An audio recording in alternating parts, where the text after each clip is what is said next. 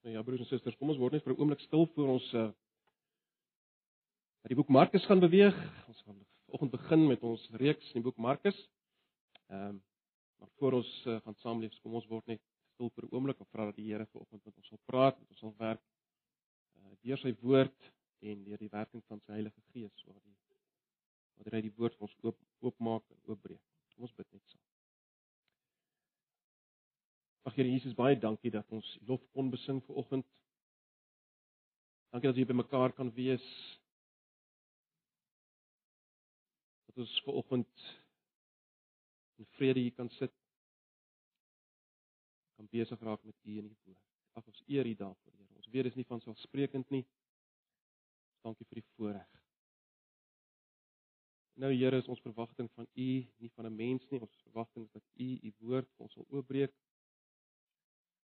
met ons sal praat as ons gaan begin met hierdie boek Markus. Ons gebed is Here dat U vir ons sal wys wie U is.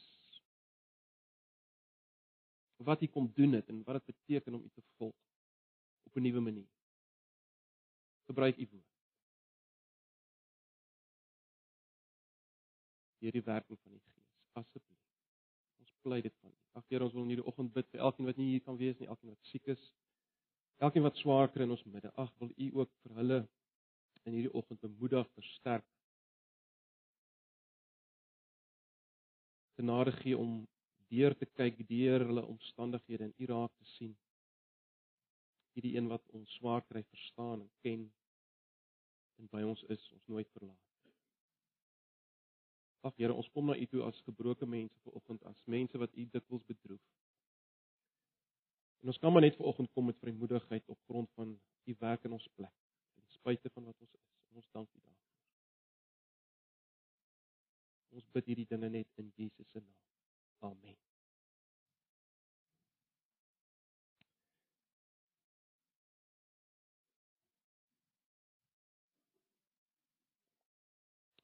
Goed, kom ons bly na die boek Markus. Uh ek het gevra dat ons net miskien op die net daardie teksgedeelte sal kry. Dit is dalk 'n bietjie klein, maar ek het nou maar die teks wat ek gaan gebruik daar vir julle uit uh opgesit. Ek gaan die uh die 53 vertaling lees vir vir hierdie reeks op doeleindes. Ehm um, bloot as mens uh as mens besig is met 'n met 'n boek en jy's besig met 'n studie van die aard waarmee ons besig is, induktief uh, induktief. In ander woorde ons ons laat toe dat dit wat in die in die gedeelte is uh, met ons praat ons ons lê nie goed in die gedeelte in nie. Uh dan is dit baie keer belangrik om maar 'n uh, 'n meer letterlike vertaling te volg. So dis hoekom ek die meer letterlike vertaling verkies. Ehm um, en dis wat julle ook daar op die bord het. Kom ons lees saam Markus 1 vanaf vers 1 tot 15. So die teks wat ek gaan lees is dan nou die 53 vertaling, maar daar's nie groot verskille met die 83 nie, hier en daar iets. Ehm um, so julle sal kan volg selfs ons ons sou julle in die 83 volg. Markus 1 vanaf vers 1 die begin van die evangelie van Jesus Christus, die seun van God. Soos geskrywe is in die profete, kyk ek stuur my boodskapper voor u aangesig wat u pad vir u uh, uit sal regmaak. Die stem van een wat roep in die woestyn, berei die weg van die Here, maak sy paaie reguit. Johannes het gekom en was besig om in die woestyn te doop en die doop van bekering tot vergifnis van sondes te verkondig. En die hele Joodse land en die inwoners van Jerusalem het uitgegaan na hom toe en almal is deur hom gedoop in die Jordaanrivier met belydenis van hulle sondes. En Johannes was gekleed met kameelhare en 'n leergord om sy heupe en hy het sprinkane en wilde heuning geëet. En hy het gepreek en gesê hy wat sterker is as ek kom na my. En ek is nie waardig om neer te buig en sy skoenriem los te maak. Ek het julle wel met water gedoop, maar hy sal julle doop met die Heilige Gees. En in daardie dae het Jesus van Nasaret in Galilea gekom en is deur Johannes in die Jordaan gedoop. En dadelik toe hy opkom uit die water, sien hy die hemele skeur en die Gees soos 'n duif op hom neerdal. En daar het 'n het 'n stem uit die hemel gekom: "U is my geliefde seun in wie ek welbehaag het." En dadelik het die Gees hom uitgedryf in die woestyn. En hy was daar in die woestyn 40 dae lank terwyl hy deur die Satan versoek is en hy was saam met die wilde diere en die engele het hom gedien. En nadat Johannes oorgelewer was, het Jesus in Galilea gekom en die evangelie van die koninkryk van God verkondig. en gesê vers 15 die tyd is vervul en die koninkryk van God het naby gekom bekeer julle en glo die evangelie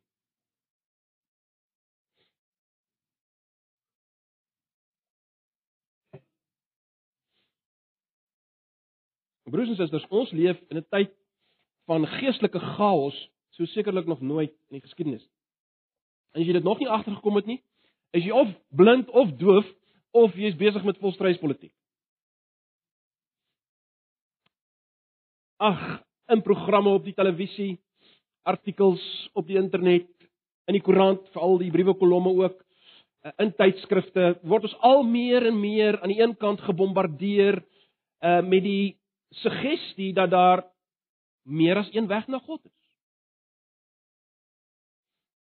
Daar word vir ons voorgehou dat Jesus maar net nog 'n verligte was, maar daar was ook baie ander verligtes.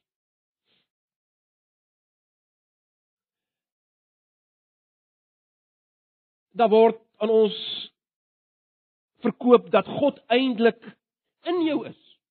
God is eintlik in jou. Ontdek net jouself.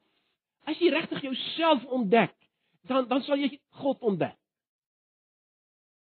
Kom tot selfvervulling en selfaktualisering. Dit lei tot bevryding. Dit is eintlik ware spiritualiteit. Volg jou droom. Is verstommend hoe hierdie goed baie keer selfs in die animasiefilms na vore kom, hoor, net so te loop. En daarmee saam natuurlik vooraf ons gesê, kyk die ou idees Die ou idees van Christendom is is totaal uitpas uit. Die Bybel is eintlik oudmodies. Jy moet eintlik half simpel wees om nog vas te hou aan die Bybel. Dis waarmee ons aan die een kant uh gekonfronteer word, gebombardeer word, as ek dit so kan sê. Aan die ander kant is daar weer binne die kerk al meer klem op 'n 'n soort van 'n triomfantelike wat ek wil noem welvaarts evangelie. Jy moenie meer praat oor sonde en selfverloning nie. Baie interessant in in sommige van hierdie sirkels, jy hoor net nooit meer van sonde en selfverloning dat dit enigstens vir jou iets kos om 'n Christen te wees nie. Dit dit word nie gehoor nie. Nee, jy moet jy moet oorwinnend begin leef. God wil nie hê jy moet swaar kry nie. Jesus het gekom sodat jy die beste kan wees in jou werk, die beste kan wees in jou sport, Dis waarvoor hy gekom. Meer as meer as al hy wil hê jy moet welvarend wees. Hy wil hê jy moet welvarend wees. As jy as jy iewers wil kom in die lewe, voeg Jesus op jou CV. So dis dis wat ons kry binne in die kerk. Dis waarmee ons gebombardeer word binne in die kerk van die Here vandag. Dan is daar natuurlik 'n heeltemal 'n ander hoek waar daar weer geweldig klem gelê word op leerstellige korrektheid. Kyk, as jy nie die 5 punte van Calvinisme ken nie, dan dan skor daar iets met jou. As jy nog nie regtig 'n Christen. Elke tee moet gekruis wees. Elke vorm van emosie word met agterdog beheen en tog as mens kyk na na van hierdie ouens wat die goed voor staan dan dan is dit baie duidelik dat dat daar ook nie vrede en vreugde uh en liefde by hulle aanwesig is nie. Daar, daar skort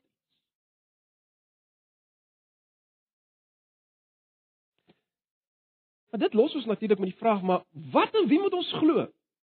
Wat en wie moet ons glo? Nog meer belangrik, wat beteken dit werklik om Jesus te volg? Wat beteken dit om Jesus te volg? En en, en dis die vraag waarmee elke kind van God hom of haar moet besig hou in hierdie tyd, uh, weer indringend moet besig hou in hierdie tyd waarin ons leef. Ons kan nie net maar dryf op op ons sonnaarskoolkennis van toentertyd nie. Ons moet kan rekenskap gee hier.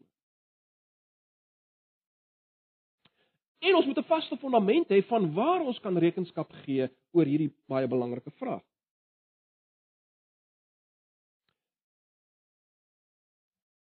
En dit is een van die redes waarom ons gaan kyk na die boek Markus. Uh in die week wat voorlê, waarskynlik sal dit ons vat tot tot volgende jaar.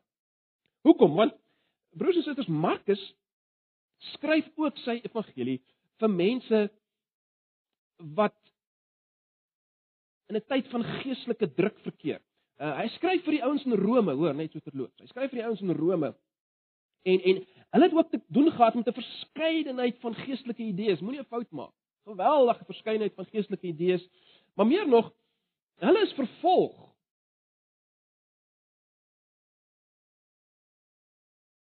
Vir hulle volgeling van Jesus, hulle volgelingskap van Jesus. Hulle is vervolg daarvoor.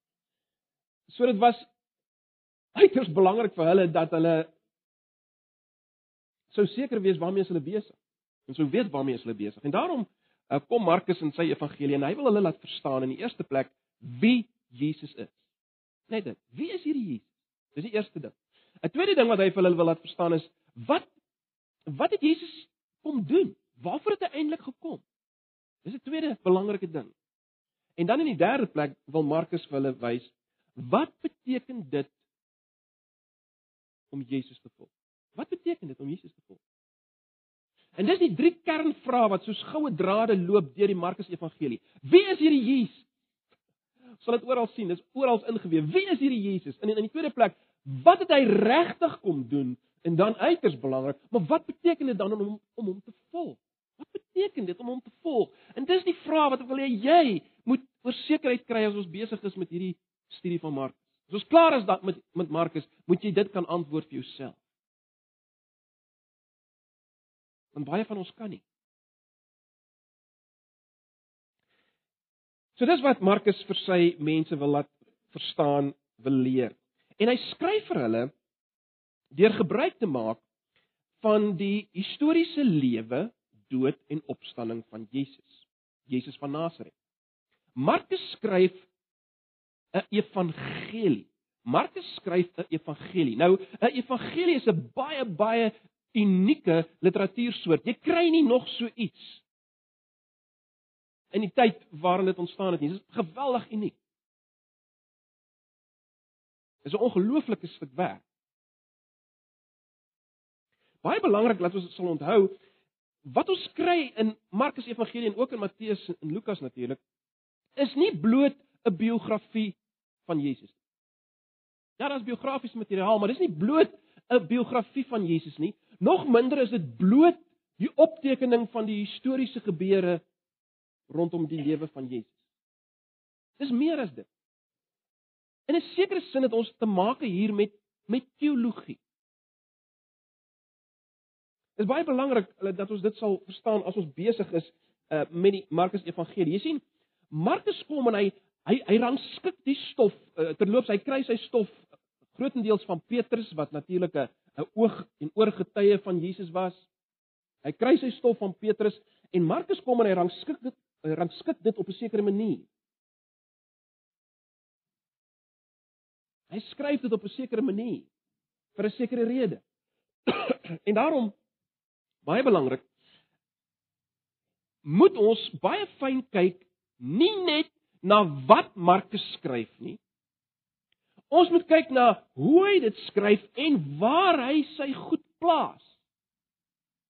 Markus plaas sy stof nie altyd daar waar die ander ouens hulle stof plaas. Dieselfde stof plaas. Het julle dit al opgemerk? So dis baie belangrik dat ons dit sal sal sal doen. As ons besig is nou met die boek Markus. Met ander woorde dat ons sal kyk nie net na wat hy skryf nie, maar hoe hy dit skryf en waar hy dit plaas. Ek sal julle tog aanmoedig op net so terloops om om bietjie die die hele boek Markus druk hom vir jou uit. Uh ek meen ons ons het mos nou rekenaarprogramme uh wat ons daarmee help. Ons ons kan die hele boek Markus uitdruk. Dan gaan sit jy bietjie in een lesing en lees die boek Markus deur, maar maar in 'n in 'n letterlike vertaling asseblief. In die 53 vertaling. Of in die ESV. Lees hom deur in een sitting. Dan kyk jy bietjie wat sien jy alles. Baie interessant. Maar goed. Dis wat ons voor ons het. Kom ons sak nou in in die eerste 15 vers. Kom ons kyk net eers na Markus se titelblad, vers 1. Markus se titelblad. Die begin van die evangelie van Jesus Christus, die seun van God.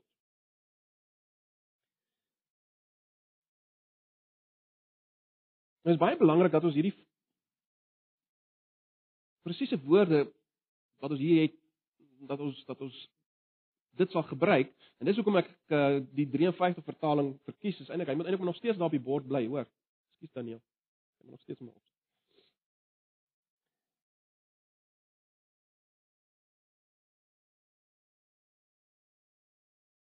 Markus begin in vers 1 met die woorde die begin.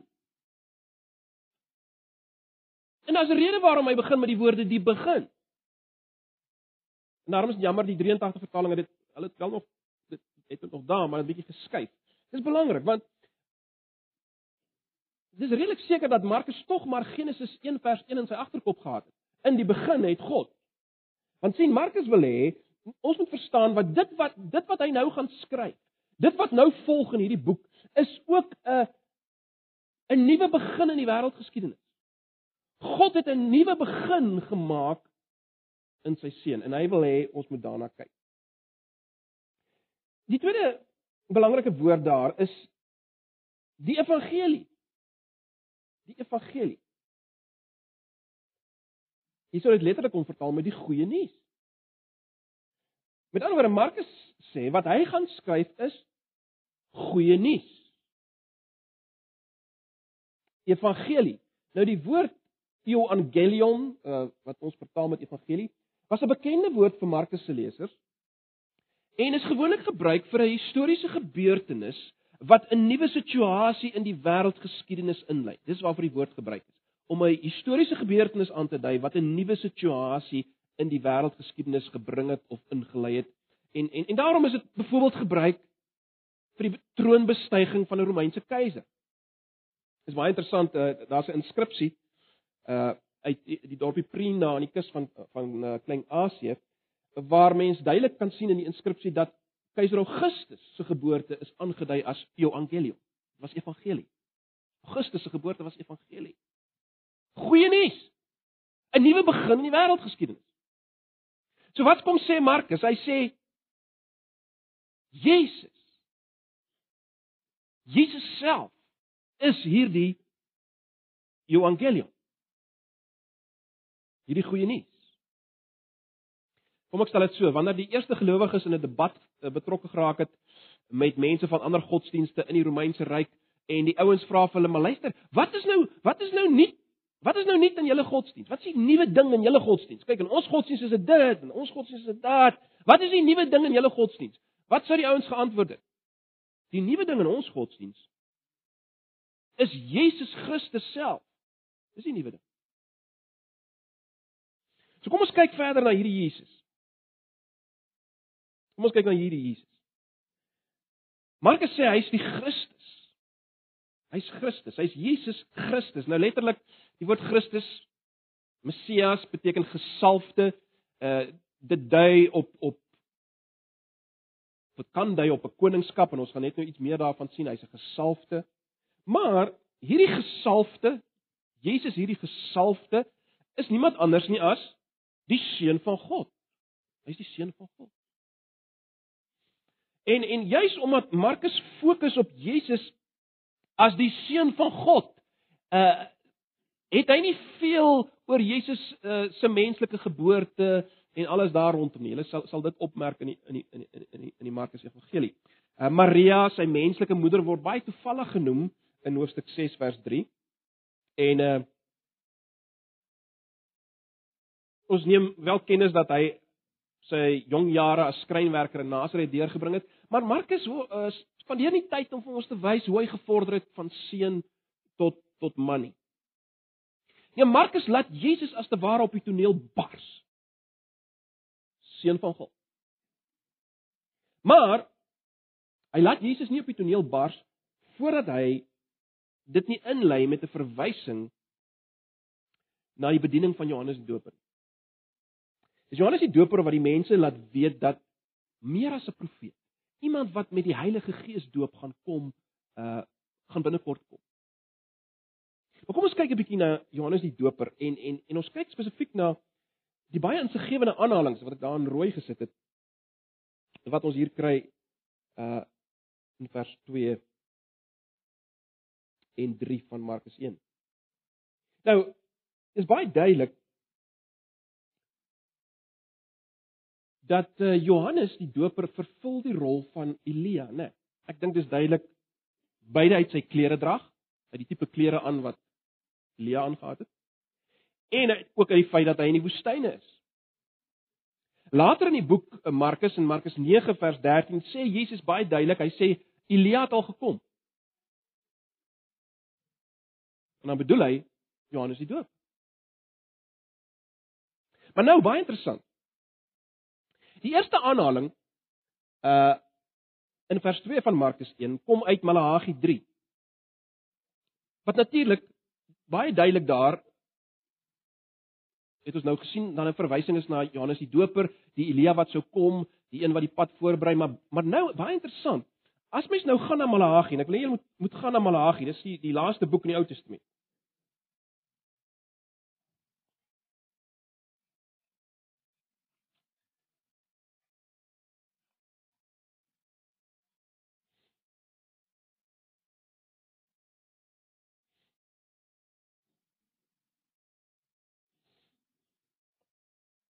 Kyk 'n bietjie na Malagi 3 vers 1. En dan kyk julle wie wie kom net nadat hierdie hierdie boodskapper op die toneel sou verskyn. Wie sal volgens die profesie volgens Malagi, wie sou net na hom kom? Kyk 'n bietjie na vers 1. Ek gaan nou my boodskapper stuur, hy sal die pad vir my uit reguit maak. Ons het nou gekyk na hierdie boodskapper, ons ons ons weet dis Markus wil hê ons moet sien is Johannes die Doper, maar kyk nou. En dan sal Die Here na wie jy soek skielik na sy tempel toe kom. So wie sou kom net na die boodskapper? Wie sou kom? Sê maar. Die Here. Jahwe. Dis wat daar staan. Die verbondsgod. En wat sê wat wat wil Markus met ander woorde hê ons moet alreeds sien? Hy wil hê ons moet sien dat die een wat gaan kom na Johannes die Doper, die een vir wie Johannes die Doper voor die weg voorberei, is niemand anders nie as God. Die God van die Ou Testament, die skepper van hemel en aarde, Jahwe, die verbondsgod. Dis wat Markus wil hê ons moet sien. Maar daar's nog 'n aanhaling. Behalwe vir Markus, ag, eh, behalwe vir Malagi 3 vers 1 wat in vers 2 aangehaal word. Uh is daar is daar nog is daar nog 'n aanhaling. Wat kom uit Jesaja 40 vers 3? 'n Stem van een wat roep berei in die woestyn die weg van die Here maak gelyk in die wildernis 'n groot pad vir ons God. Dit kom uit Jesaja 40 vers 3. Nou om die volle impak van hierdie aanhaling te begryp, uh moet 'n mens iets in gedagte hou. In die Hebreëse Bybel, of wat ek so sê, die Hebreëse Bybel eindig met die boek Kronieke. Hy's bietjie die Hebreëse Bybel is bietjie anders saamgestel as ons Ou Testament, hoor. Hy hy eindig met die boek Kronieke. Nou Kronieke behoort julle te weet dat Kronieke eindig met die ballingskap. Julle kan maar voel nou maar gaan kyk na 2 Kronieke 36, daar in vers 21 is baie eksplisiet. Die boek eindig met die ballingskap. Daar's wel 'n verwysing na die die moontlikheid van terugkeer daar in die heel laaste verse van van 2 Kronieke 36, maar maar die boek eindig eintlik met ballingskap. Nou ons weet dat Esra en Nehemia, die sogenaamde na-ballingskap profete, hulle hulle het dit baie duidelik gemaak dat selfs die terugkeer, die fisiese terugkeer van die volk na die ballingskap was nie die finale vervulling van God se beloftes oor oor terugkeer en herstel. Met ander woorde, mense sou kon sê dat In 'n sekere sin was die volk teologies nog steeds in ballingskap ten spyte van die fisiese terugkeer. Maar belangrik, dis hoe kronieke eindig. Dis dis hoe die Ou Testament eindig met met met ballingskap. En nou is dit fascinerend dat Markus uit Jesaja 40 uit aanhaal. Nou wat is fascinerend daaraan? Jesaja 40 is 'n hoofstuk En julle kan hom maar gaan lees in sy geheel. Jesaja 40 is die hoofstuk wat praat op profetiese wyse oor die terugkeer uit ballingskap. Die belofte van die terugkeer uit ballingskap. So, wat beteken dit as Markus Jesaja 40 hier insit? Wel, hy wil daarmee sê, kyk ouens, Jesus is die einde van die ballingskap vir julle. Jesus self is die einde van die ballingskap.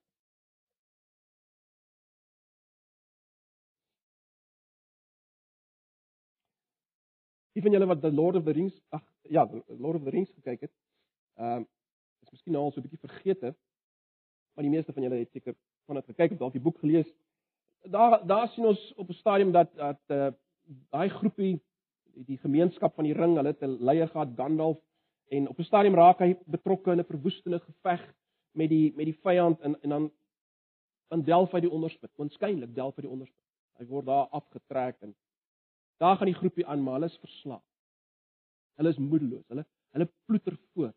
Hulle het nie rigting nie. Hulle hulle het nie koers reg. Hulle is hulle is totaal doelloos. Nou iets daarvan was waar met die volk na ballingskap, né? Nee, die volk Israel. Dit het vir hulle gelyk asof Jahwe, hulle God, verloor het teen die Babiloniese god Marduk. Dit gelyk asof hy verloor het. En en dit het veroorsaak dat die volk Israel soos daai groepie in Lord of the Rings doelloos rondgeploeter het. Hulle was uitgelewer aan aan aan aan al die grille van van die geskiedenis en van wispelturige leiers. Hulle was soos 'n skip wat se ankertoue afgekap is. Hulle hulle het maar net rondgedop. Ek dink ons ons sukkel waarskynlik om om te verstaan in watter haglike toestand die volk was na ballingskap. Want die ballingskap was 'n groot slag vir hulle. Ek meen, waarskynlik het God hulle gelos. En selfs toe hulle terugkeer en julle sal weet ons het daaroor nou gepraat, uh selfs verlede Sondag dalk het ek daarna verwys. Selfs toe, toe hulle teruggekeer het en die tempel weer herbou het, was hulle teleurgesteld want dit was nie naaste by wat dit moes wees nie. wat hulle gedink het dit gaan wees. En as ons nou kom by die tyd van Jesus, wel, dan dan is die Romeine in beheer. Met ander woorde, eintlik is die volk nog steeds in ballingskap.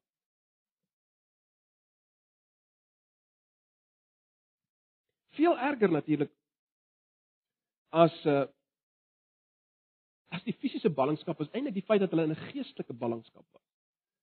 En uh en en dis wat Markus ook vir ons laat wys. Hulle is in 'n geestelike ballingskap. Maar wat kom sê Markus nou met sy evangelie? Wat kom sê hy met hierdie aanhaling? Wel hy kom hy kom sê vir vir in die eerste plek vir die Jode, kyk die einde van die ballingskap het aangebreek. Die einde van die ballingskap het aangebreek. Maar baie belangrik, Jesus bring nie net die einde van die ballingskap vir Israel nie, maar vir die hele kosmos bring hy dit. En dis belangrik. Want jy sien dit gaan nie ten diepste oor fisiese ballingskap nie, dit gaan oor geestelike ballingskap. En dis goeie nuus. Dis evangelion.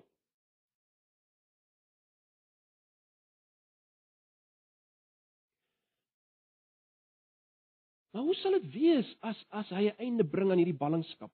Wat, wat gaan die gevolg wees? Hoe gaan dit lyk? Met ander woorde, wat gaan Jesus kom doen? Wel, dit lê in 'n sekere sin ook opgesluit in hierdie twee aanhalinge, want as mens nou verder gaan lees, uh in die gedeeltes waar die aanhalinge gemaak word, dan sien jy wat gaan gebeur. As die Here gaan terugkom. En ons weet nou dis Jesus. ons sien wat gaan gebeur. Luister net 'n bietjie weer na Malagi, as ons nou teruggaan na Malagi 3. Die eerste plek waar waar uit Markus aanhaal. In vers 2 in vers 2 het hy nou gesê dis die Here self wat gaan terugkom, né? Nee.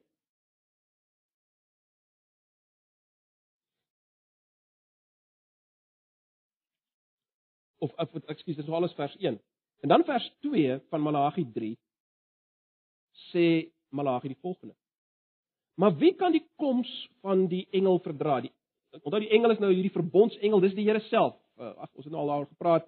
Uh, die engel van die Here in die Ou Testament is dikwels die Here self, né? Nee. Wie kan die koms van die engel verdra? Wie kan standhou wanneer hy verskyn? Hy is soos die vuur van die smelters en soos die seep van die wassers. En dan gaan hy aan in vers 3 om te sê, dis wat hy gaan doen, hy gaan hy gaan suiwer, hy gaan reinig. Dis wat hy gaan doen. Kom ons kyk nou na die ander aanhaling, Jesaja 40.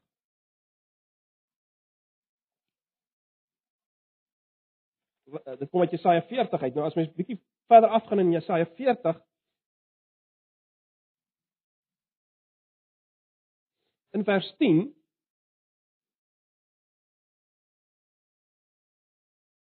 word ook gesê die Here God kom. Nou dis die hele verwagting, hy een wat gaan kom. Die Here God kom, Hy is die magtige, hy regeer, hy bring die volk saam wat hy syne gemaak het. Die wat aan hom behoort is by hom. En dan vers 11, soos 'n herder versorg hy sy kudde, die lammers maak hy bymekaar in sy arms en hy dra dit in sy bors. Hy sorg vir sy lammeroë. Met ander woorde, as ons dit in gedagte hou, wat sou wat sou Jesus kom doen as hierdie einde van die ballingskap vir die volk aanbreek? Wel, daar sou oordeel wees en reiniging. En uiteindelik uh sou hy as herder hulle versorg. Die wat gereinig is, sou hy versorg. Hy gaan 'n hele nuwe era laat aanbreek. 'n Hele nuwe tyd. Dis die punt. En dit lê as te ware weggesteek in hierdie in hierdie aanhalings as jy dit so kan stel. Uh ons moet dit raak sien. Dis 'n hele nuwe era wat Jesus gaan laat aanbreek. En nou is dit interessant om Johannes die Doper in gedagte te hou. Want jy sien, Johannes die Doper moes presies die weg voorberei vir hierdie reiniging. Dis hoekom hy die doop van bekering tot vergifnis van sondes moes bring. Hy moes as te ware begin met hierdie reinigingsproses. En hy doen dit deur hierdie doop van bekering tot vergifnis van sondes. Hy lê die patroon vir die nuwe verbond. Onthou nou Johannes die Doper, sy hele bediening, alles wat hy gedoen het, was was as te ware 'n voorloper van wat nog sou volg. Jy sien met sy doop wil hy sê, daar kom iemand anders wat met die Heilige Gees gaan doop. Maar Johannes se hele bediening was was so sê 'n voorloper van hierdie hierdie nuwe bedeling. Hierdie reiniging wat sou kom. Jy sien wat Markus wil hê sy lesers moet sien is dat die totale Ou Testamentiese godsdienstige stelsel sou omvergewerp word. Niemand sou meer van selfsprekend behoort aan God se volk nie. Nee, jy moes gereinig word. Jy moes deel wees van hierdie nuwe reiniging. Daar moes bekering wees. Daar moes 'n doop wees. Waarvan Johannes die voorloper was en Jesus sou dit finaal kom doen deur die Heilige Gees. Maar jy jy kan nie meer net deel wees van God se volk van selfsprekend nie. Nee, jy moes deel wees van hierdie hierdie reinigingsproses. 'n Nuwe era het aangebreek.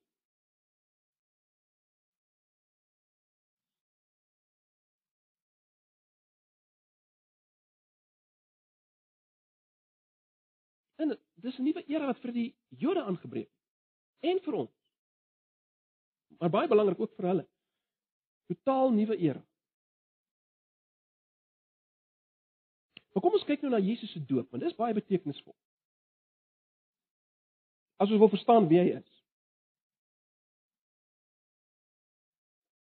Die eerste betekenisvolle ding wat ons hier sien is dat by sy doop skeur die hemele in vers 10. Dis wat daar staan. Dis die term wat gebruik word, die hemele skeur. Nou, dis is baie belangrik in die Ou Testament. As die hemele geskeur het, het God neergedaal. Uh en dit sal weet in Jesaja 46 is daar die daar die uitroep: "Ag, as U maar die hemele wou skeur."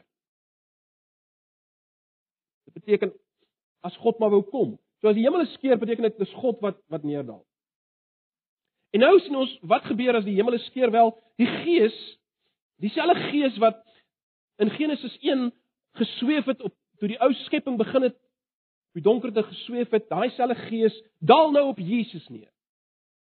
Nuwe begin van die nuwe skepping. Daai gees daal op Jesus neer. Maar hier's 'n hier's geweldige goed wat gebeur as mens so bietjie langer nadink hieroor. As jy bietjie meer oplettend is as leser. Julle sal byvoorbeeld onthou dat in Psalm beloof God dat hy sy seun as koning sal salf. Ons het nou gekyk na die feit dat Jesus is die gesalfde, né? Maar daar's 'n belofte in Psalm 2 dat hy sy seun sal salf. Kom ek hulle herinner julle aan aan Psalm 2. Ek gaan ek gaan dit vinnig net so lees vir julle. Julle hoef nie noodwendig dit op te soek nie, maar jy kan dit opsoek as jy wil. En dan sal jy sien waarvan ek praat. En dis betekenisvol. Vir 'n verstaan van wie hierdie Jesus is is dit betekenisvol om dit raak te sien. Psalm 2. Luister hoe klink Psalm 2. Ek lees dit sommer in die 83 vertaling. Psalm 2 begin so: Waarom is daar onrus onder die volke? Waarom smeer die nasies planne en dit te vergeefs? Die konings van die aarde is in opstand, die leiers span saam teen die Here en teen sy gesalfde en sê: "Kom ons maak ons vry en gooi hulle juk af." Hy wat in die hemel woon, lag hulle uit. Die Here spot met hulle. Hy spreek hulle aan in sy toorn en sy gramskap jaag hulle op loop. En dan vers 6. Dit is ek wat hom as my koning gesalf het op Sion, my heilige berg. Ek wil vertel wat die Here aangekondig het. Hy het vir my gesê: "Jy is my seun. Van vandag af is ek jou vader. Vra my en ek gee volke vir jou as eiendom, die hele aarde as jou besitting. Jy sal hulle verpletter met jou eysterscepter, hulle flenter slaan soos 'n kleipot. Wees dan nou verstandig konings, wees gewaarsku regerings van die aarde. Julle moet die Here met ontzag dien, hom met vrees en bewering toejuig en hom onderdanig wees sodat hy nie toornig word en julle op die pad omkom nie. Uh want sy toorn ontvlam gou, dit gaan goed met almal wat by hom skuilings soek. Wat gaan aan in daai Psalm? Wel, in kort, uh God gaan sy seun as koning salf. En hy daardie seun gaan regeer met 'n eysterscepter. Daai seun gaan sy vyande verpletter. En wie's dit? Dis Jesus, die een wat nou gedoop word. So op, op as jy oplettend is, dan gaan jy dit raak sien. Geliefde seun, wel, die seun is die koning wat gesalf gaan word. Maar daar's nog iets meer. Uh Die oplettende leser sal onthou in Jesaja 42 uh lees mens die volgende. Daar staan: Hier is my dienaar of my knegg afhangende van watter vertaling jy het. Ek stel hom aan. Ek het hom verkies. Hy geniet my guns en dan ek laat my gees op hom kom. Hy sal my wil aan die nasies bekend maak. Jy sien oral in Jesaja se laaste hoofstukke lees ons van hierdie knegg, né? Nee, en hier's baie spesifiek. Ek sal my gees laat kom op hierdie knegg, hierdie diensknegg. Wie is hierdie knegg? Wie is hierdie diensknegg? Wel, as mens bietjie aanlees in Jesaja en jy kom by Jesaja 53, dan is dit baie duidelik dat hierdie knegg of diensknegg is Jesus. En Jesaja 53 gaan oor die wat? Die lyding van Jesus. Die kruisiging van Jesus.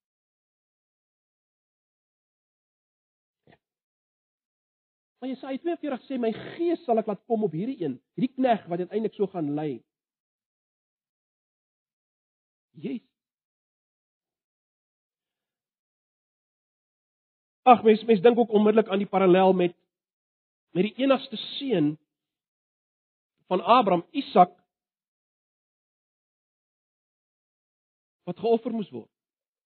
Abraham het gehoorsaamheid offer hierdie seun Genesis 22 vers 32 uh, vers 2 en vers 13 van Genesis 22 die geliefde seun. Hy is my geliefde seun en wie ek welbehaag. Dis dis die woorde wat wat wat geuiter word in Genesis 22 die geliefde seun moet geoffer word. Nou ek weet dis klomp goed wat ons in gedagte moet hou. Maar broers en susters dis hoekom Jesus gedoop moes word. Hy moes openlik verklaar deur sy doop dat dit die pad is wat hy gaan loop. Dis die pad wat hy gaan kies. Die pad wat al in die Ou Testament as te ware aangedui is.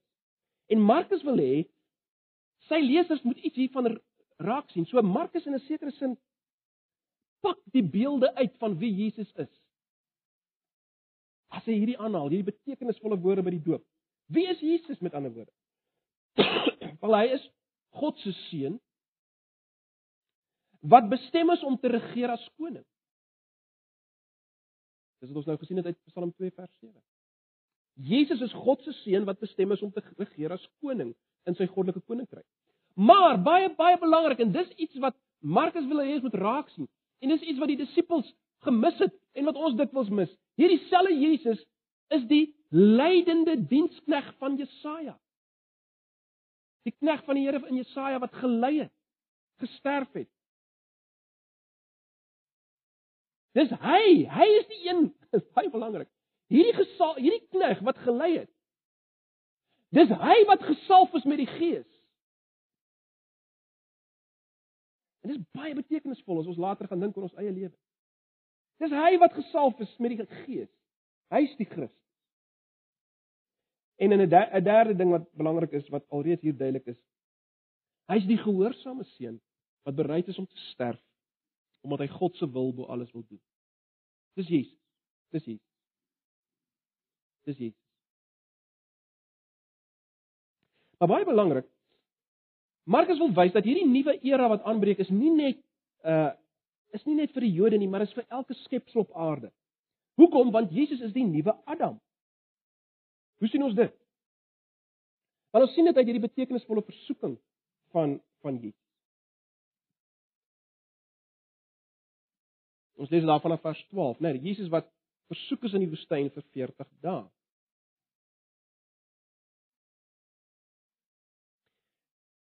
Wat ons moet raak sien is dat Jesus die een na wie ons nou gekyk het, is versoek. Soos die eerste Adam. Die eerste Adam is onder volmaakte toestande versoek en hy het gefaal, né? Nee, in die paradys, tuin van Eden. Jesus is versoek in die woestyn. Onder haglike omstandighede. Maar hy slaap. Hoe sien ons nog dat dat ons dit moet raak sien dat Jesus die die laaste arm is. Wel, die opmerking van Markus dat die wilde diere was daar saam met Jesus gewees in vers 13. Die wilde diere was saam. En die engele het hom gedien. Interessante opmerking, is dit nie? Jy sien, die eerste Adam was ook omring deur wilde diere. En wilde diere is natuurlik ook 'n teken van die nuwe era. Jesaja 11, né? Nee. Die wolf en die lam wat sal saam, het julle dit al gelees? Die wilde diere wat sal saam wees. Nee nee, op die nuwe in die nuwe bedeling. En en hier is 'n aanduiding daarvan. In Jesus is daar reeds 'n aanduiding van hierdie bedeling. As die laaste Adam saam met die wilde diere en dan is daar die engele.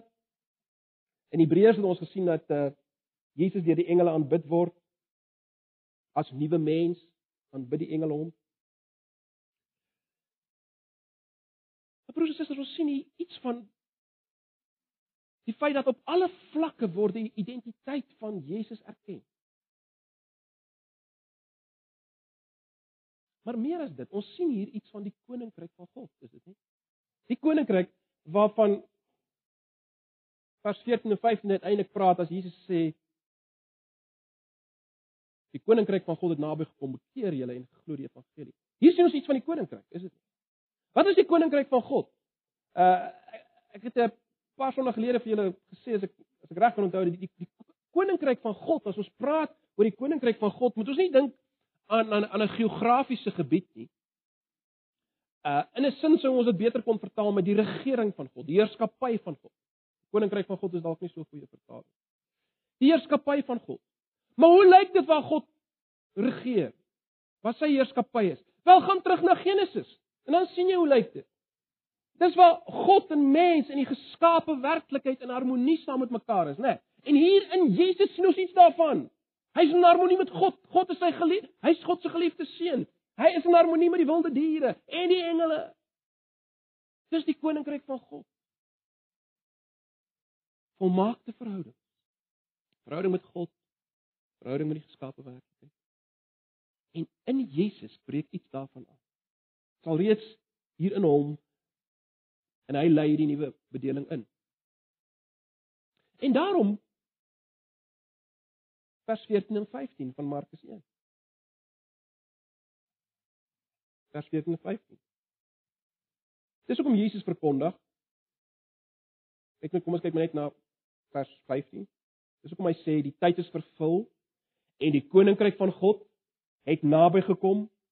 Bekeer julle en glo die evangelie. Hierdie heerskappy van God het by julle gekom. Julle sien dit in my. Bekeer julle wanneer julle denke en glo hierdie goeie nuus. Dit het gekom. Die nuwe bedeling het gekom.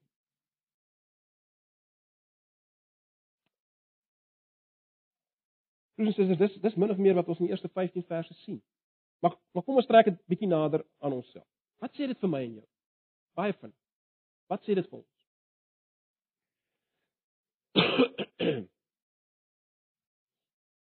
Wel in die eerste plek, baie belangrik, sê dit vir ons En ek dink dis belangrik om dit te onderstreep. Die evangelie is goeie nuus. Die evangelie is goeie nuus. Uh, en dit is belangrik om om dit te sê want ek dink baie keer dink mense die evangelie is iets wat jy moet doen. Die evangelie is nie iets wat jy moet doen nie. As jy nog vanoggend dink die evangelie is iets swaar en moeilik, is dit te moeilik, dan verstaan jy die evangelie nie. Die evangelie is nie iets wat jy moet doen nie. Die evangelie is iets wat gekom het, wat gebeur het.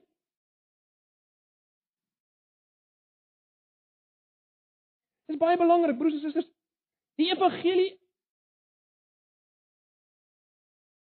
gaan nie oor die eindtyd dinge nie.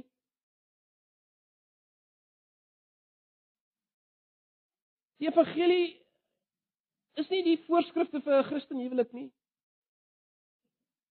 Die evangelie is nie heiligmaking nie. Die evangelie is nie bekering nie. Die evangelie is nie geloof nie. Dis nie die evangelie nie. Dis nie die evangelie nie. Die evangelie is 'n persoon. Die evangelion is 'n persoon. Die goeie nuus is 'n persoon. Hy's die goeie nuus. Want hy's die koninkryk van God. Hy's alles wat ek en jy nie is nie, maar moet wees. Is hy? Hy is dit. Ek weet nie hoe om dit duideliker te sê nie. Jesus is die evangelion. Hy's die goeie nuus. Miskien vra jy nou vir my, maar goed, waar pas bekering en geloof in hierdie goed in? Wel, dis die enigste gepaste reaksie op hierdie goeie nuus, nie waar nie? Ek meen as jy verstaan dat Jesus in homself is die evangelion, dan moet jy jou denke verander oor wat as ek dit so kan stel, oor wat God beïndruk, oor wat God wil hê. Jy moet jou denke verander. En dis bekering, metanoia, dis bekering. Bekering beteken jy begin anders dink. Jy verander jou kop. Jy besef God word nie beïndruk deur alles wat ek doen nie. God is beïndruk deur Jesus en daarom moet ek in Jesus kom. Daarom moet ek vir hom leef. Daarom gaan dit nie oor dinge wat ek doen nie, maar of ek in verhouding is met hom en met die mense rondom my. Staan ek in regte verhouding? Dit gaan nie oor myself nie. Dit gaan oor hom. So, die punt is maar net bekering, geloof en alles wat daaruit voortvloei is reaksies op die evangelium, op Jesus. In die lig daarvan moet jy jouself afvra, is jy dalk nog in ballingskap? Is jy dalk nog in ballingskap?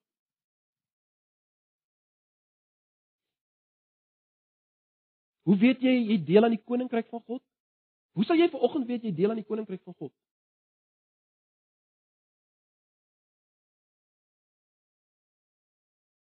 Belangrike vraag. Hoe sal jy weet ek deel aan die koninkryk van God? Wel in die eerste plek as jy opgewonde is en jy's behet met die evangelium. Jesus. As jy deel van die koninkryk. Nie sê sê jy's 'n Christen nie. Almal sê hulle is Christene. Nee. Hoort jy aan Jesus? Ken jy hom? En is jy in verhouding met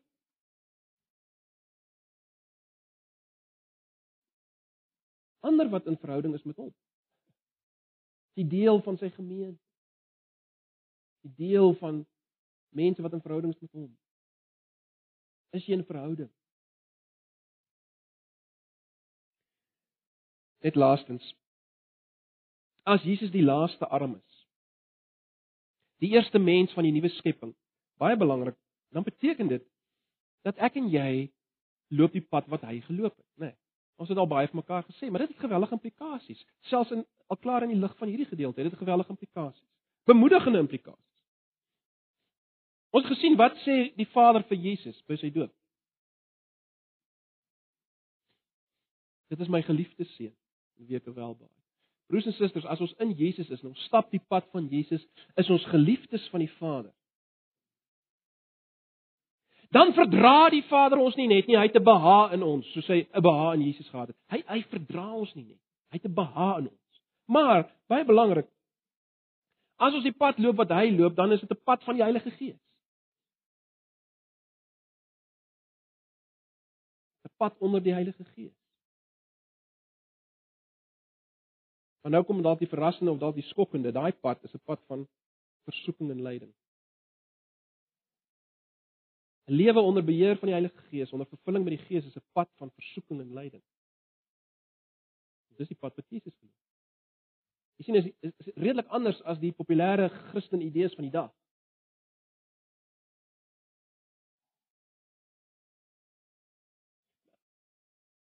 Ag ek ek sê dit so baie, maar kom ek sê dit weer. Jesus loop die pad van lyding, swaarkry, versoeking onder vervulling met die Heilige Gees. Dis die pad wat hy loop. En na sy dood was daar verheerliking. Na sy dood. Dis die pad wat ons loop. Hier en nou op aarde is dit 'n pad van versoeking, lyding, swaarkry onder vervulling met die Gees. Dis die lewe van die Gees. En na ons sterwe, dan is daar die uiteindelike vrede.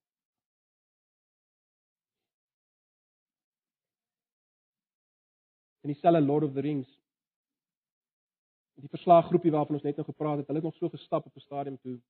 Toe hulle leier weer by hulle. Hy het die stryd teen die vyand gewen, die hy die onderwêreld oorleef en hy teruggekeer. En nou was hulle nie meer alleen nie. Dit was nog steeds 'n moeilike pad wat hulle moes stap. Hulle was nie meer alleen.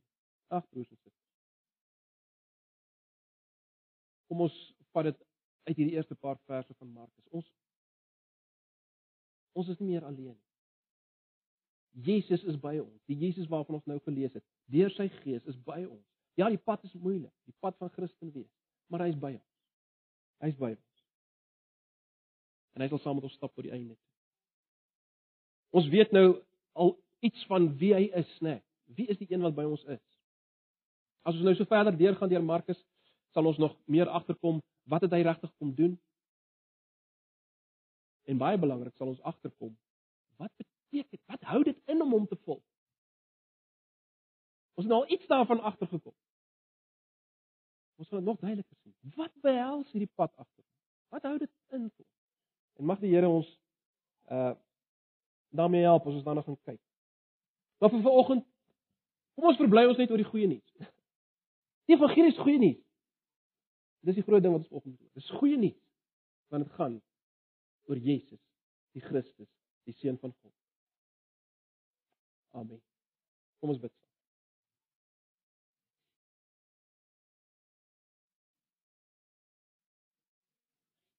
Ag Here Jesus, baie dankie dat ons kon begin kyk het na hierdie boek. ons kon begin kyk het na u. Ons wil vra dat u vir ons sal verder help.